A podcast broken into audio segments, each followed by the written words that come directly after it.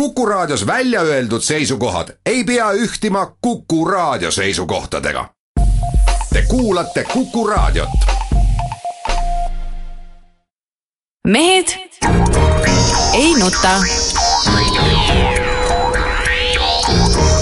elus on mängu, mängus on elu, aga spordis mehed ei nuta. Unibet, mängijatelt mängijatele. mehed ei nuta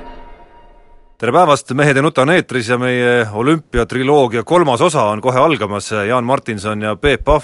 on kusagil Rio de Janeiro avarustes, meil on hetkel tegelikult äh, pühapäeva õhtu, millal me seda saadet salvestame, kuna esmaspäeva hommikul Jaan esimesena laseb siis varvast Rio de Janeirost nii kiiresti, et raske on seda kolmikut ühele liinile saada. vastab tõele, mehed? vastab tõele. just, saab ükskord sellest linnast ära, et, et siin on noh, kogu see värk on juba kuidagi ära tüüdanud ja, ja, ja see palavus on ka liiast, et äh, tahaks ikka sinna normaalsesse e-, Eesti suvesse tagasi. pluss kaheksateist täiesti piisab, pluss kolmkümmend viis on tõesti palju. no ma ei tea ka, kuidas, kuidas Tallinnas tundub, aga vähemalt siin kohapeal on see olümpia lõpp äh, jäänud ikka hirmsasti venima, et see on täitsa noh, äh, nii-öelda koju saamise soov on nii suur, et, et, et äh, saa, saaks aga ruttu minema, aga olümpia venib ja venib ja need viimased päevad on olnud nagu täitsa siuksed sidutud täiesti. no teid kuulates tuleb kohe nagu pisar silma täitsa, et et kas tõesti äkki Martti Raju oleks aidanud kuidagi varem saada tagasi nagu Allar Rajal? ei no me ei saa nagu varem ära tulla, aga, aga kuidagi see olümpia on niimoodi välja venitatud, et ta võiks olla tõesti kümne päeva pikkune, küll nad jõuavad ära võistelda, programm oleks tihedam ja, ja kõik oleks märksa õnnelikumad no päris tõele au andes tean, mida te tunnete oma eelmiste olümpiate meenutustena, ühel hetkel käib see krõks läbi, eriti kui eestlaste esitused, tipp, tippude esitused ikkagi otsa saavad. aga just aga Jaan Martinson, Peep Pahv siis Rio de Janeirost, Tarmo Paju siin Kuku raadio Tallinna stuudios ja läheme kiiresti teemade kallale, mida nädal on meile tänu olümpiamängudele loomulikult toonud väga palju. Ja, ja alustaks kindlasti sellest alast, mis olümpia viimasel nädalal alati kõige tähtsam, ehk siis kergejõustik. ja, ja see nädal on olnud Eestile väga haarav nädal, kui kui Rasmus Mägi ja Xenia Balta võistlustele siis eelkõige mõelda, no alustame Rasmus Mägist, kuues koht, Eesti rekord raske, raske on kuidagi midagigi Rasmus Mägile ette heita või no,? aga ei olegi midagi ette heita, et kui, kui mees jookseb äh, olümpiamängude finaalis, juba see on iseenesest nii,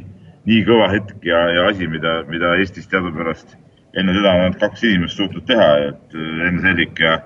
ja, ja Laine Eerik, et, et ei olegi, ei ole selliseid asju olnud ja neid on ka nii aegade hämarusest juba, et see fakt iseenesest on juba kiiduväärt ja kui sa jooksed seal veel Eesti rekordi, siis noh pole midagi ütelda, super, super luks. ütleme niimoodi, et mina olin siin kõrvaltvaataja, sest noh, ma ei ole kergejõustiku ajakirjanik, aga, aga nii palju, kui ma kõrvalt kuulsin siin, et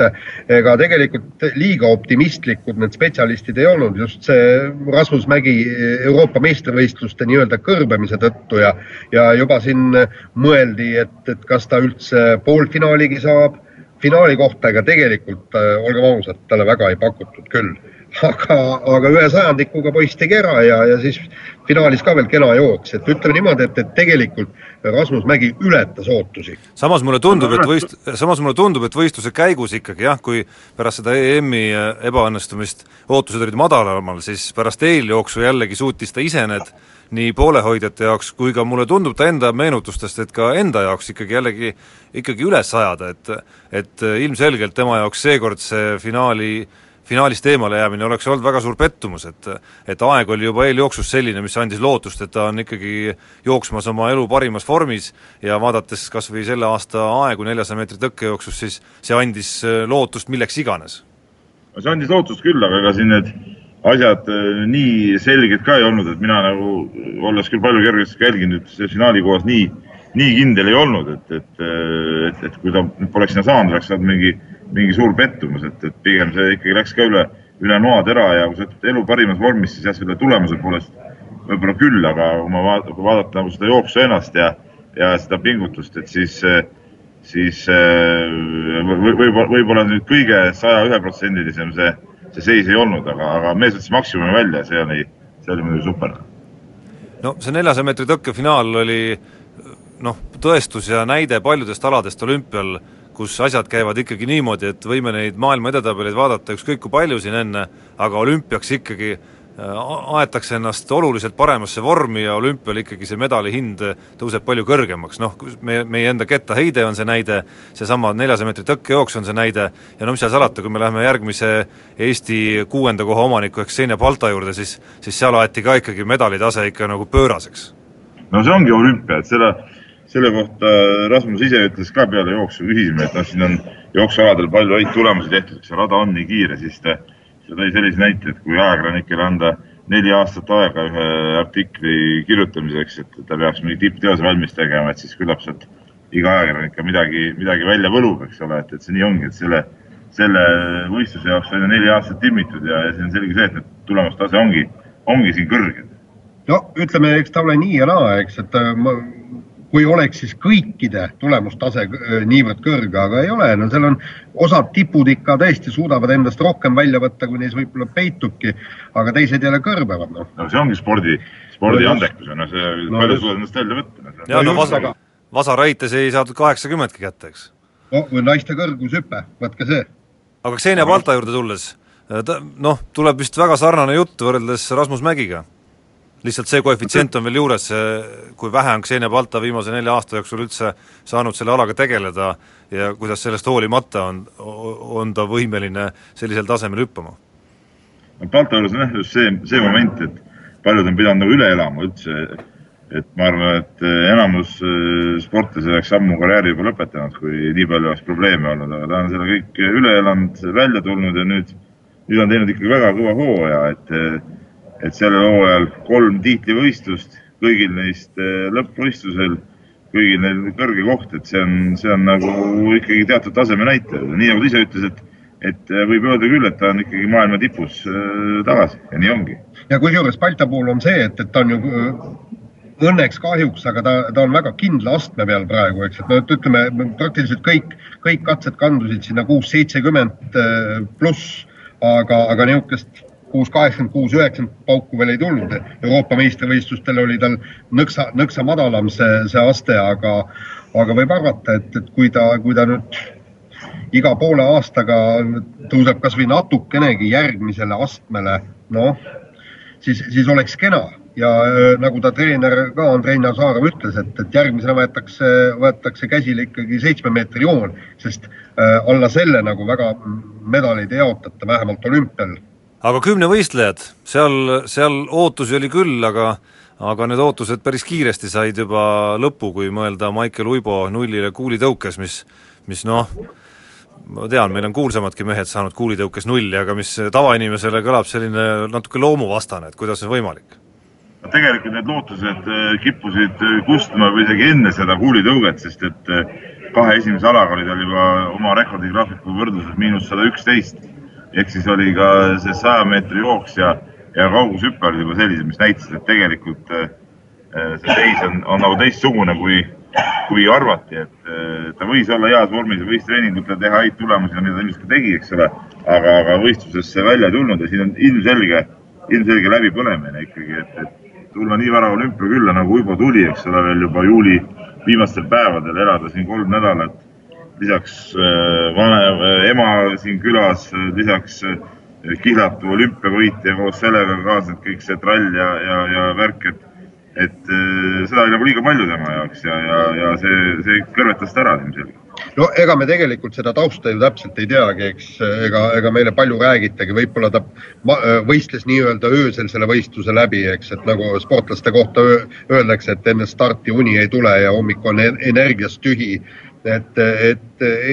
ega noh, tal treenergi ei osanud nagu targemat öelda, ütles, et poiss on tõesti väga heas vormis ja, ja tõesti loode, loodeti väga head tulemust siin pressikonverentsil, kui küsiti, et mis siis tähendab, et kaheksa tuhat viissada punkti, selle peale ta ütles nojah, et, et see oli siis justkui tema eesmärk, aga, aga jah, võistluspäeva hommikul läks kõik see kiirelt vooluga alla. No üks, mille osas tuleb ilmselt vähemalt tunnustada nii Uibot kui läbi viga, läbi vigastuse üldse olümpiale tulnud Karl-Robert Salurit, et, et mehed ikkagi lõpuni tegid? seda kindlasti, et, et selles oli nagu teatud, nii-öelda sisu või sportlikku niisugust äh, jonni oli seal olemas, no eriti, eriti jah Saduri puhul, et ta üldse tuli olümpiale, et ta tegi selle ära, siis selgitas, et midagi tulemas ei ole nagu. aga, aga noh, ütleme nii, et, et kui Salurit jah võib kiita, siis Urvo puhul on ikkagi, ikkagi see olümpia on selge, selge altminek ja, ja, ja siin nagu mingeid positiivseid hinnanguid anda ei ole nagu küll kuidagi võimalik. kusjuures no räägitakse ju, et võistlus on kõige parem treening ja sellepärast ma imestangi, et, et miks, miks kõik kümnevõistlejad, kui nad kuskil mingil alal nulli saavad, et kümnevõistlust läbi ei tee, et, et see noh, paremat trenni ju ei olegi, kui see kümnevõistlus läbi teha. nii, aga nüüd on aeg teha väike paus. mehed ei nuta elus on mängu, mängus on elu, aga spordis mehed ei nuta. Unibet, mängijatelt mängijatele. mehed ei nuta. mehed ei nuta on tagasi eetris, Jaan Martinson, Peep Pahv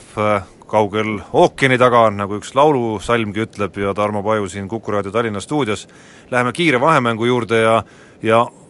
selle alustuseks ainus teema, mis nüüd otseselt ei puuduta Riia olümpiat, küll aga olümpiat tervikuna, Jaan, pühapäeval kirjutasid, et Torino olümpia dopinguproovide avaldamine ootab meie Kristiina Šmigun vähi taga.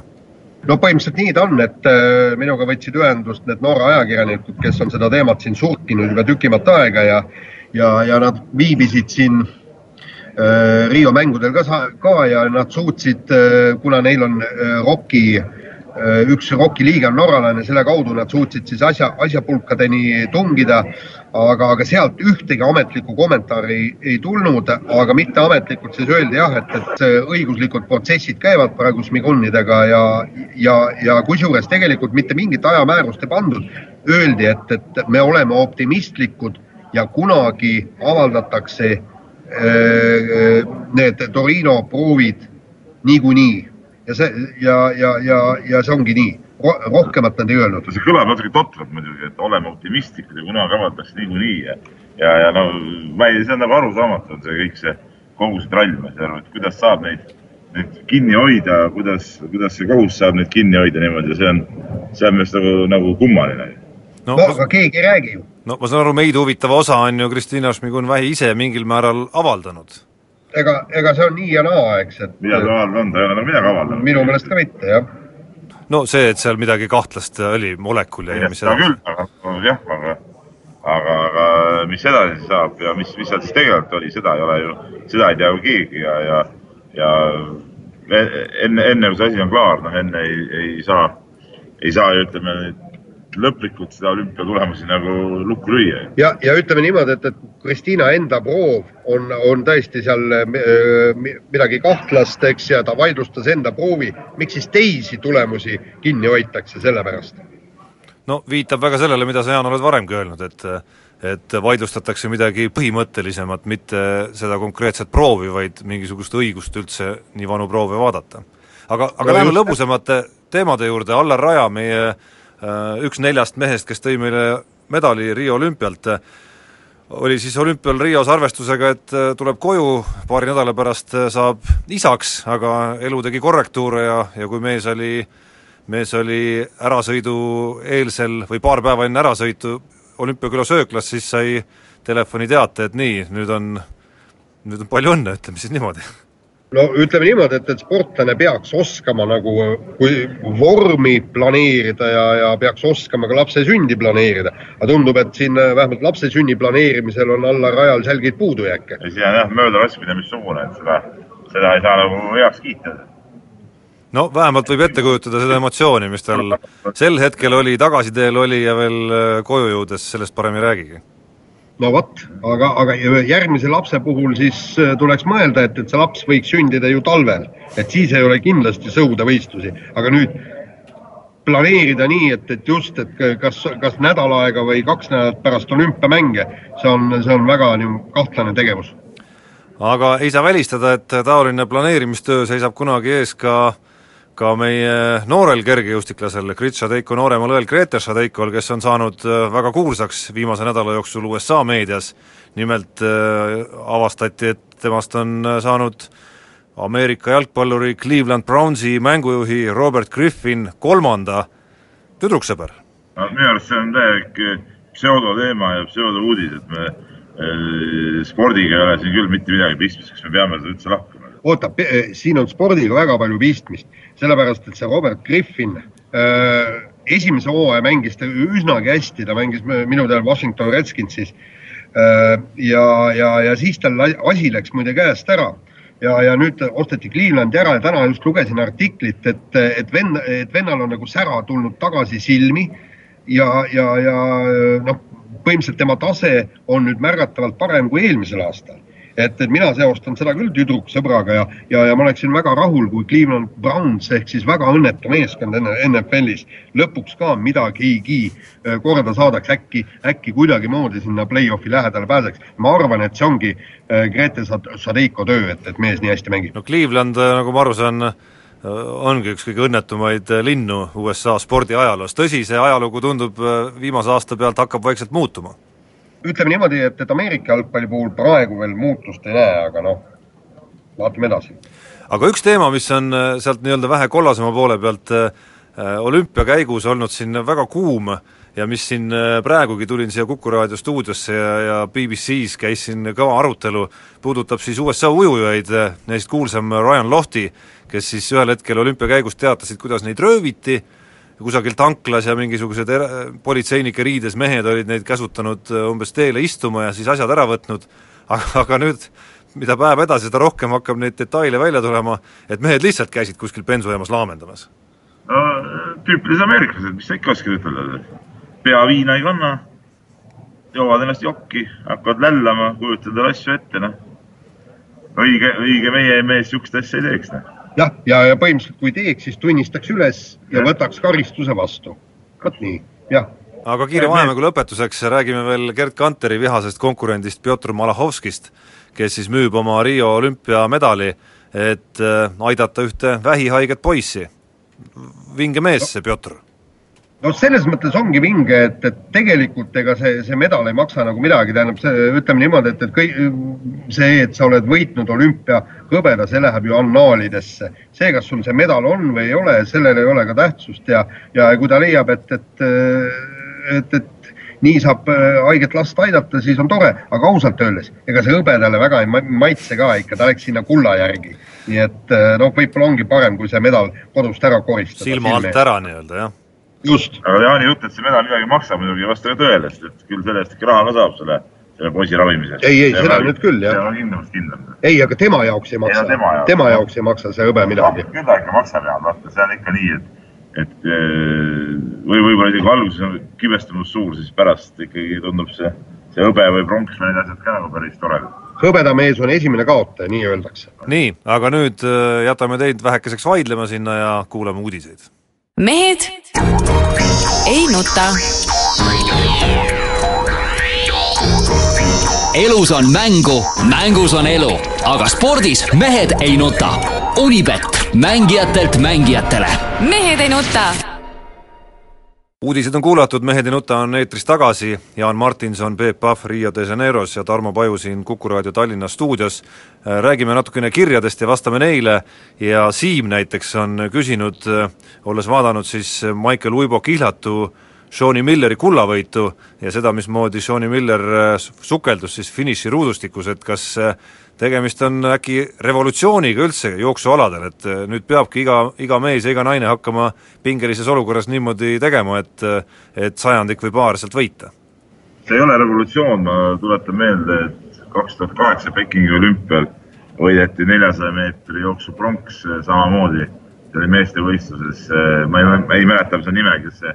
ameeriklane oli, aga viskas samamoodi ennast joonele ja tänu sellele sai pronksi, nii et siin mingit revolutsiooni otseselt nagu ei ole. no Siim mõtleb tegelikult..., Siim mõtleb eelkõige seda, et noh, me näeme seda ikkagi erandkorras. et ongi nii, et kõik peavad viskuma ja pärast on meil kaheksa marraskil, marraskil jooksjat alati põhimõtteliselt ma arvan, et, et noh, need tagumised, neil ei ole mingit põhjust viskuda, aga tegelikult ma olen ise ka mõelnud, et, et, et kui sa jääd nagu medalist või kullast ilma lihtsalt sellepärast, et, et sa sinna finišijoonele nõndaviisi ei visku, et, et kas, kas pärast kripeldama nagu ei jää, et, et minu meelest oli see, see oli väga äge tegu ja, ja minu meelest noh, see on üsnagi normaalne, et nii käituvad sportlased. äge, igal juhul jah, siin pole midagi vaielda. nii, aga Jaan küsib meilt ja see sobib siin olümpia kokkuvõtteks ka natukene, et et äh, mis on äh, teie kõigi eredaim elamus sellelt olümpialt, kui eestlaste esinemised välja arvata, hoopis siis muudelt aladelt rahvusvahelistest näidetest? aa, see on päris valus küsimus, mis nõuab isegi natuke sellist mõtisklust, võib-olla minu enda eredam elamus pärins just olümpia algusest, kui oli Hispaania-Horvaatia korvpall ja kuidas Paugas oli lõpus kuld pandi aga, aga, aga tegelikult huvitaval kombel sellest olümpialt mingeid siukseid hirmsaid äh,, hirmsaid eredaid elamusi nagu ei olegi midagi. No põhim-, põhimõtteliselt on ju niimoodi, et ega meie seda olümpiat ei näe, meie näeme ikkagi seda, seda, kus ma, kus me siin kohapeal oleme ja, ja kus, mis, mis siin toimub, eks, et noh, et nägime siin Bolti jooksu, noh, okei okay,, täitsa, täitsa äge, aga, aga endast välja ei viinud ja noh ma ütlen, et ega, ega, ega siin ei olegi, tead, sa tuimalt teed tööd ja võib-olla sa ei oskagi näha seda, mis on tegelikult äge kodus telerit näeb igal juhul rohkem ja paremini, see on selge. jaa, no mul oli nüüd üle, üle, üle, mis see on, esimest korda pärast kahe tuhandendat, ei, pärast üheksakümne kuuendat aastast siis võimalus äh, televiisori vahendusel suveolümpiat vaadata, tõsi, eks seal mingid perioodid olid ka, kus oli keeruline teleka ette sättida ennast, aga aga mõnes mõttes oligi huvitav klõpsida näiteks neid kanaleid, mida oli ju hästi palju ja, ja sattuda vaatama noh, seinast seina vist peaaegu kõiki alasid vähemalt korra, mõni oli lihtsalt nii igav, et, et said aru, et noh, et sellel alal nagu mingit televäljundit ei ole, noh, purjetamisest näiteks rääkides. aga üks, üks äh, väga suuri elamusi, mida näiteks mulle meenub, mida ma jäin nagu ainiti vaatama, oli näiteks naiste rannavolle finaal ja üldse mitte sellepärast, et need väga kenad naised olid, mida nad ka olid, aga, aga just selle mängu pärast ja selle, selle mängu pärast, mida sakslastest tandem Ludwig ja Valkenhorst näitasid seal, olles siin kas või paar korda suve jooksul või vahel sattudes ise ka rannavollet mängima, täitsa müstiline kui osav, milline kaitsemäng äh, sellesama Ludwigi esituses näiteks, täitsa müstika jah, juhtusin ka seda mängu vaatama, tõesti oli täitsa, noh, on mõningad asjad, mis õhtul, õhtul hilja hotellitoas jääb, jääb nagu mõne kanali peale ja siis jäädki vaatama. ma jäin muide ükskord lauatennist vaatama, hästi äge oli tegelikult mängud. ma ei tea, ma lõppkokkuvõttes ei teadnudki, kes nad mängisid ja kus nad mängisid ja miks nad mängisid, aga mäng oli äge. nii, aga läheme teemade juurde edasi, eestlaste lahkamine ja viimasel nädalal võistlustules olnud äh, Eesti sportlaste tulemuste ja, ja tegemiste vaagimine, meil oli kolm maadlejat võistlustules, Heiki Nabi, Epp Mäe ja Ardo Arusaar ja ja kui Heiki Nabi jõudis pronksi matšini, siis äh, Epp Mäe ja Ardo Arusaare olümpia jäi küll üsna lühikeseks, Jaan, sina oled meie maadlusekspert, kuidas hindad ja kuidas kokku võtad? no tegelikult sellest Epp Mäest on muidugi kõige rohkem kahju ja see oli kindlasti maha mängitud medal, ma olen täielikult veendunud. medal lausa? Ei, ma, ma isegi ei räägi mitte medal, ma räägin isegi finaali kohta. Äh, tegelikult noh, isegi kulla peale oleks võinud äh, neiu minna, sellest ta, ta, ta oli tegelikult heas vormis. Äh, seesama hiinlanna, kellega ta esimeses ringis maadles, põhimõtteliselt ta, ta ju täie, täielikult domineeris matši kuni viimase minuti, täielikult dikteeris ja kogu mäng käis Epp Mäe taktikepi all ja siis ühel hetkel jättis ta lihtsalt liikumise seisma, teda visati nelja punkti vääriliselt ja sellega oli põhimõtteliselt neiu olümpia läbi. aga mis, mis siis juhtus edasi? see hiinlanna mm, sai pähe järgmiselt maadlejalt ehk siis kanadalannalt, eh, keda, keda Epp Mäe on kaks aastat tagasi loputanud nagu ise tahtis, minu meelest oli seis kuus-üks ja, ja tegelikult kõik ümberringi treenerid ja kõik ütlesid, et see kanadalanna ei, ei, ei, ei, ei ole mitte keegi, põhimõtteliselt ta noh, üsna kesine maadleja ja võta näpust, vedas ennast olümpiakullale välja. ja huvitav küll, ei olnud mitte keegi, sai olümpiakulla. minu arust see on, Jaan, see on käo Jaan, mis sa praegu ajad tegelikult. mingi, räägid mingist kaks aastat äh, tagasi toimunud matšidest, see ei ole mingi näitaja, praeguseks on jõu, jõuvahekorrad ilmselt nagu muutunud ja võtame selle maadluse üldse kokku, Eesti maadlejate esimene oli alla igasugust arvestust. ega see nabi, mingi viies koht, see on naljanumber ju. ühe matši võidad ja ongi kõik, eks ole, et selles suhtes võtame Eesti maadlejate matšid kokku, üks võit kolme äh, sportlase peale, ei ole midagi rääkida, mitte rahuldav, väga lihtne. tähendab, ma, ma, ma, ma veel kord ütlen, kui, kui oleks äh, Epp Mäe suutnud. ei no oleks, mõttetu jutt Jaan. siis oleks sealt tulnud medal ja tegelikult oli Nabil oli ka selles pronksi matšis täiesti olemas äh, oma medali võimalus. ma, ma leian, et kahe peale, kolme peale nad väristasid ära ühe medali, võib-olla kaks. ja Kas, nii ongi. Kui me selle Eiki Nabi pronksi matšistki räägime, siis äh, no te olite koha peal, ma vaatasin telekast, ma saan aru, siin me-, meist palju kõvemad eksperdidki, tõsi jah, nad on kõik eestlased, need eksperdid, vaatasid seda ja kommenteerisid seda ja, ja ikkagi jäi nagu väga arusaamatuks, miks Heiki Nabi enne seda otsustavat heidet pandi maha põhimõtteliselt noh, väga lihtne põhjus, siin öeldakse ja räägitakse igal pool, et, et, et venelastega on raske ja, ja venelastele tullakse siin eh, millegipärast vastu. Ja, ja Nabi ütles ka pärast matši, et, et eks ta nii oli, et, et kui ma olin null-üks kaotuses, kui ta, kui oleks seda heidet tehtud, siis oleks väga raske olnud eh, maadelda, sest venelastele ei anta nagu hoiatusi, aga vähemalt tal oleks olnud võimalus ja, ja, ja noh, see oli tõesti kummaline, et seal oli noh, kummalist veel selles matšis, aga no paraku nii läks, aga tegelikult noh, Navi oleks ikkagi võinud selle, selle matši endale, äh, endale kallutada no,. laiem tunne, mis seda maadlust vaadates tekkis, oli ikkagi see, et et maadlusel kui sellisel noh, ongi see tähetund üks kord olümpial nelja aasta tagant, aga aga kuidagi väga keeruline on näha mingit suuremat populaarsust nii-öelda taas tekkimas sellel alal, et üsna arusaamatuks jääb ikka tavavaatajale kõik see, mis seal toimub, eriti Kreeka-Rooma maadluses. seal ei toimugi mitte midagi, ma olisin ka saalis vaatamas seda matši ja, ja, ja seda Nabi pronksi matši, seal midagi ei toimunudki, põhimõtteliselt kaks meest tammusid matil, panid pead-jalad kokku ja, ja, ja eriti raskekaalumaadluses. kui vaatad kergema kaalu matši seal, seal oli päris äge, seal käis tulevärki kõvasti, aga just see raskekaalumaadlus, seda nagu suureks populaarseks mõteldagi või, või rääkida on nagu väga keeruline. Tarmo, aga enamus olümpiaalad ongi niimoodi, et nad paista, paistavad,ki silma ainult üks kord nelja aasta jooksul, võta kas või laskmine, lauatennis, vibulaskmine, mis iganes ja kusjuures see oli üks mulje, mis siit äh, nii-öelda telekapuldist klõpsides tekkis ikka väga selgelt. väga palju alasid, millel nagu noh, ütleme, tegelikult nagu masside jaoks mingit atraktiivsust ei ole lootustki, et tekib. Aga üks ala, mis mis võiks olla atraktiivsem ja, ja mis ju tegelikult oli ka oma võistluse poolest atraktiivne, oli äh, raskekaalu tõstmine, Mart Seim oli seal konkurentsis medalilootustega, aga piirdus ikkagi lõpuks seitsmenda kohaga. no aga siin oli ka natuke niisugust kõrbemis, kõrbemistunnuseid selles, selles võistluses, et eks need lootused olid suuremad ja ja, ja, ja millegipärast ikka välja ei tulnud, aga selge on see, et enne kui Mart Seim ei õpi normaalselt rebima, ei ole nagu mingis suures mängus Äh, kui on tõesti olümpia, kõik vennad on äh, vormis ja need, kes kohal on, ei ole nagu võimalik ikkagi medali peale kaasa rääkida. nojah, ütleme niimoodi, et, et siin tuleb kõvasti arendada seda ja noh, eks neid vabandusi seal leiti, et üks, üks põhjus oli äh, nii-öelda Hiina kang, mis oli libedam ja, ja, ja tõesti, Mart, Mart Seemil on väiksed käed. et, et seal võib tõesti probleem peituda, aga, aga ma just mõtlen seda, et, et seda probleemi peaks olema kuidagi võimalik lahendada, sest muidu on niimoodi, et, et lähed võistlustele kohale, vaatad, oh näed, Hiina kang taaskord ja jälle on võimalused läinud, et, et päris nii ta ei tohiks olla üks, mis mind äh, nende Mart Seimi reaktsioonide puhul ja, ja kogu tõstmisvõistluse reaktsioonide puhul nagu häirima jäi natukene, kuigi see,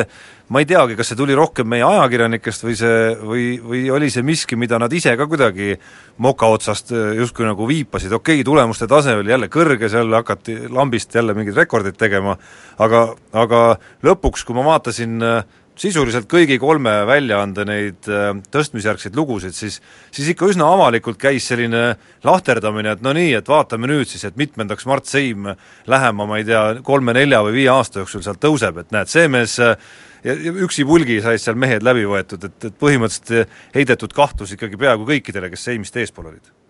no,. kas vähe liiale, kas see vähe lii-, liig ei ole või?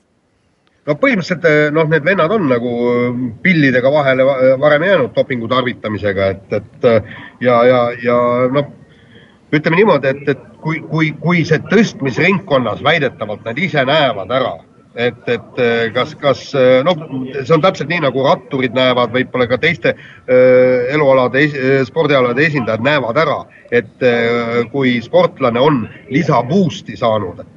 Ja, ja kui, kui ka nemad kõrvalt näevad seal seda olles asja sees. no see, siis on see ju täiesti normaalne jutt. Eh, no jaa, aga tegelikult ikka seda üle võimendada eh, ka ei, ka ei maksa minu arust ja, ja nüüd kirjutada ja loota, et oh, loodame, et see teine, kolmas, neljas mees jääb vahele ja siis tõuseme medalile. see on tegelikult ka nagu niisugune natuke lapsik. no aga no, või tähendab, Seim on võitnud kolm medalit, millest kaks on tulnud ju pärast äh,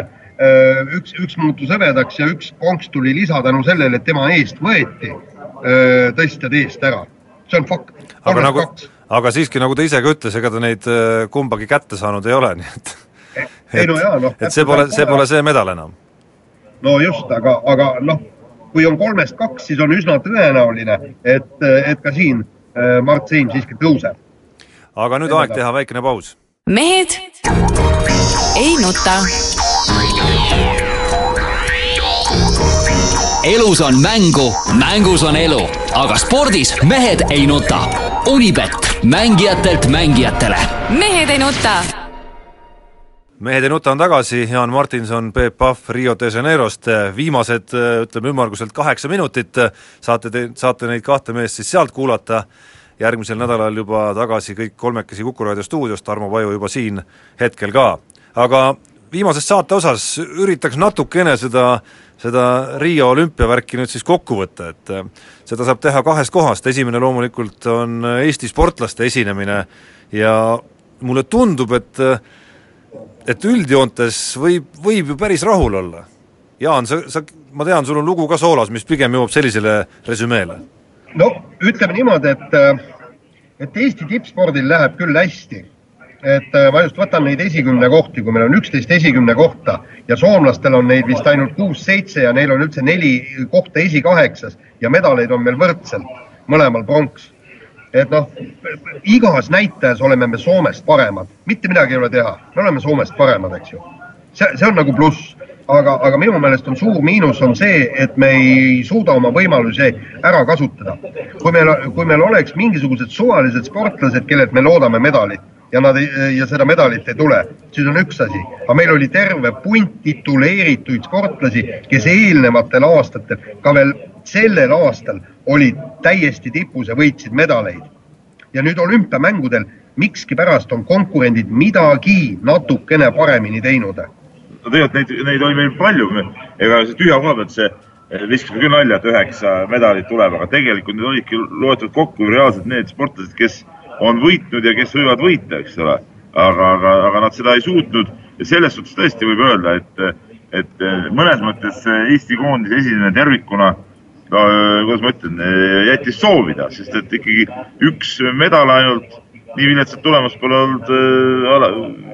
oli viimati üheksakümmend kuus, eks ole. üheksakümmend kuus Atlantas, jah. et, et, et, et, et see on, see on nagu halb näitaja jah, aga see, et me saime esikümne kohta nii palju, teisalt on küll nagu hea näitaja. Näitab niisugust üldise taseme tugevust, aga, aga, nüüd siin midagi nagu hirmsasti hõisata, nüüd ka otsest põhjust ei ole no samas, Jaan, sa lugesid neid, neid äh, võimalusi ette, mis jäid kasutamata, aga ega ükski neist ei olnud ka selline, mis nüüd nagu ütleme, selle ala siseseltki mingisugune üllatus oleks olnud, et näed, nüüd see Eesti kutt, ma ei tea, Eiki Nabi või või, või ma ei tea, Rasmus Mägi, et see, see ei medalita, et eks need kõik olid ikkagi sellised äh, alla viiekümne protsendi võimalused, millest me räägime ja ja ses mõttes neid tõenäosusi kokku pannes see üks või kaks oligi kõige tõenäolisem variant. Ei, kuidas sa niimoodi seda ütled, võtame seesama Nabi, eelmise olümpiahõbe, maailmameister, kahekordne maailmameister. no see oli neli aastat tagasi siiski. nii, nii, kuula nüüd, kõikidel eh, nendel vahepealsetel aastatel tuli ta mingil tiitlivõistlusel medalile. ja ta on Euroopa pronksi no. võitnud ja, ja, ja kõik. tema medalit näiteks oli, oli ilmselgelt üllatus, ilmselgelt lati alt läbiminek. nii, ja kusjuures see venelane, kes,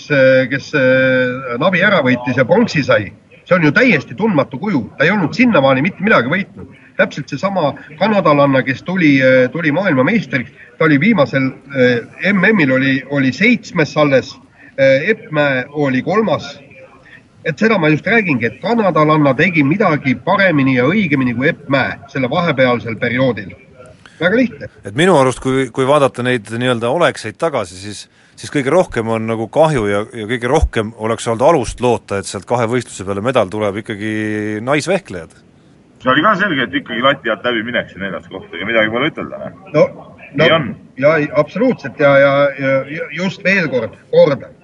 kui Irina Emrik on väga heas vormis, nagu ta oli ka Rios ja kui üks kahest eh, tema kaaslasest äh, vehkleb ka omal tasemel, kolmas võib ära vajuda äh,, ei ole probleemi. Äh,, tassitakse naiskond välja. Aga, aga seekord oli lihtsalt probleem selles, et, et kaks meie nooremat vehklejat vajusid ära. Ja ma ütlen veel kord, mina panen siin süü mitte niivõrd nendele tüdrukutele endale, kes, kes tõesti noh, ei suutnud oma äh, närve külmas hoida, vaid pigem ikkagi treeneritele ja taustapersonalile. et see on ikkagi lõppkokkuvõttes nende ülesanne äh, ette valmistada sportlast äh, võitluseks kusjuures ma isegi ei räägiks siin ainult naiskonnavõistlusest, sest et äh, kui sul on kolm naist äh, individuaalis, kes kõik on ka individuaalselt saavutanud üht koma teist ka suurvõistlustel, siis siis ei, ei oleks üldse alusetu olnud oodata, et keegi nendest läheb ka seal kaugele, eriti nagu me nägime, Irina Embrich oli ju individuaalselt väga suurepärases vormis. no kindlasti, kindlasti oleks pealt ka sealt tulema kõrgemat kohta, kui praegu see Embrichi kümnes ja Kirpu vist oli kaheteistkümnes olid, et see, need ei olnud nagu päris, päris need asjad, mida, mida oodati. Aga kui nüüd küsida niimoodi, et noh, vaatame neid noh, väga rohk-, rohkesti tulnud esikümne kohti, et et kui palju nendest esikümne kohtadest on nüüd sellised, mille puhul meil on alust loota, et nelja aasta pärast järgmisel olümpial vahetub see esikümne koht mis iganes värvi medali vastu? no miks ka mitte, seal on minu arust päris palju variante, tähendab me teame Jaaniga seda teemat natuke siin lahkasime enne saadet ka, aga, aga mina leian, et seal on variante palju, võtame kas või kergejõustikus. Kupper, miks mitte, Seina Balta, miks mitte, Rasmus Mägi, miks mitte, väga variandid, vehklejad, ega need ülejäänud tüdrukud on ju, okei okay,, Embrich jääb vanaks, individuaalvõistlus tuleb seal ülejäänud tüdrukud vehklevad edasi. miks mitte sealt medalit võtta. Et neid variante on ju küll. no just, need maadlejad jätkavad ja Eppmäe jätkab ja, ja siin neid jätkajaid on, aga vaata, siin minu meelest ongi nüüd, äh, on nüüd otsustavad neli aastat, et äh, see, see paneb tegelikult, äh, annab hinde meie spordisüsteemile, kas meie suudame olla nüüd konkurentidest paremad. Sellepärast, et me, kui me võtame nüüd kergejõustiklased, me saime neljanda, viienda, kuuenda, kuuenda koha, eks ju. Ja nelja aasta pärast me peame olema siis poodiumil, ehk siis me peame tegema äh, asju natukene paremini, kui tegi esikolmik ja me peame tõrjuma nii-öelda seljataguste rünnakud. et äh, ega konkurendid ka niisama ei passi ega nina ei noki ja, ja, ja nüüd, nüüd tuleb ikkagi noh, ütleme niimoodi, et perfektselt käituda ja samamoodi ka maadlejate ja, ja vehklejate ja kõikide teiste puhul. et, et, et siin ei tohi enam teha ühtegi viga, sest meil on medalivõimalusi palju ka Tokyos tänase seisuga. tänase seisuga kindlasti, jah. aga meil on siia saate lõppu, Riia olümpiasaadete lõppu jäänud veel pisut alla minuti, et võtta kokku siis Riia olümpia noh, ütleme siis üldises plaanis, et palju oli kära meil enne olümpiat, mis kõik on halvasti Rios, no ütleme nii, et kõikides, kõikidel kordadel, mis me võtsime teid seal kahekesi liinile, ei lükanud te kuidagi ümber, et ikka nägi suhteliselt nagu nutune välja kogu see värk et kas no,, kuida-, kuidas, kuidas me jääme seda Riot siis mäletama nüüd, ikkagi sellist kui ühte kõige nõmedamat olümpiat? ütleme niimoodi, et ma tahaks võimalikult kiiresti need mängud ära unustada, ma ei tule siia mitte kunagi tagasi, ma ei tea, võib-olla see Riio on tore linn, aga, aga kõik see, kõik see olümpiakompott, mis, mis siin on, kuidas seda ei suudetud korralikult organiseerida, jättis oma pitseri ja, ja jumala eest Brasiiliast minema ja, ja loodame, et, et Tokyo tuleb parem. ega nad ei suutnud siin olümpia käigus ka midagi parandada, et, et nii nagu see asi oli, nii ta läks lõpuni välja ja, ja, ja, ja selles suhtes ma toetan ka Jaani jah, et see paras jama ikkagi on kokkuvõttes. no selliste sõnadega siis lõpetame, ma ei tea, Peep, mine otsi äkki Jaanile näita mõnda rinnakat suure tagumikuga tõelist Brasiilia naist veel, et ta natukenegi rõõmsama meelega tuleks tagasi ja, ja nii, nii nutusel ja mornil häälel ei peaks nüüd tagasi reisima. isegi Brasiilia naine ei suuda mulle Brasiiliat armsaks enam teha no siis on ikka päris lootusetu, ma ei tea, kas Brasiilia või, või oled sina. aga igatahes tänud kuulamast ja, ja kohtumiseni nädala pärast. mehed ei nuta. elus on mängu, mängus on elu, aga spordis mehed ei nuta. Unibet, mängijatelt mängijatele. mehed ei nuta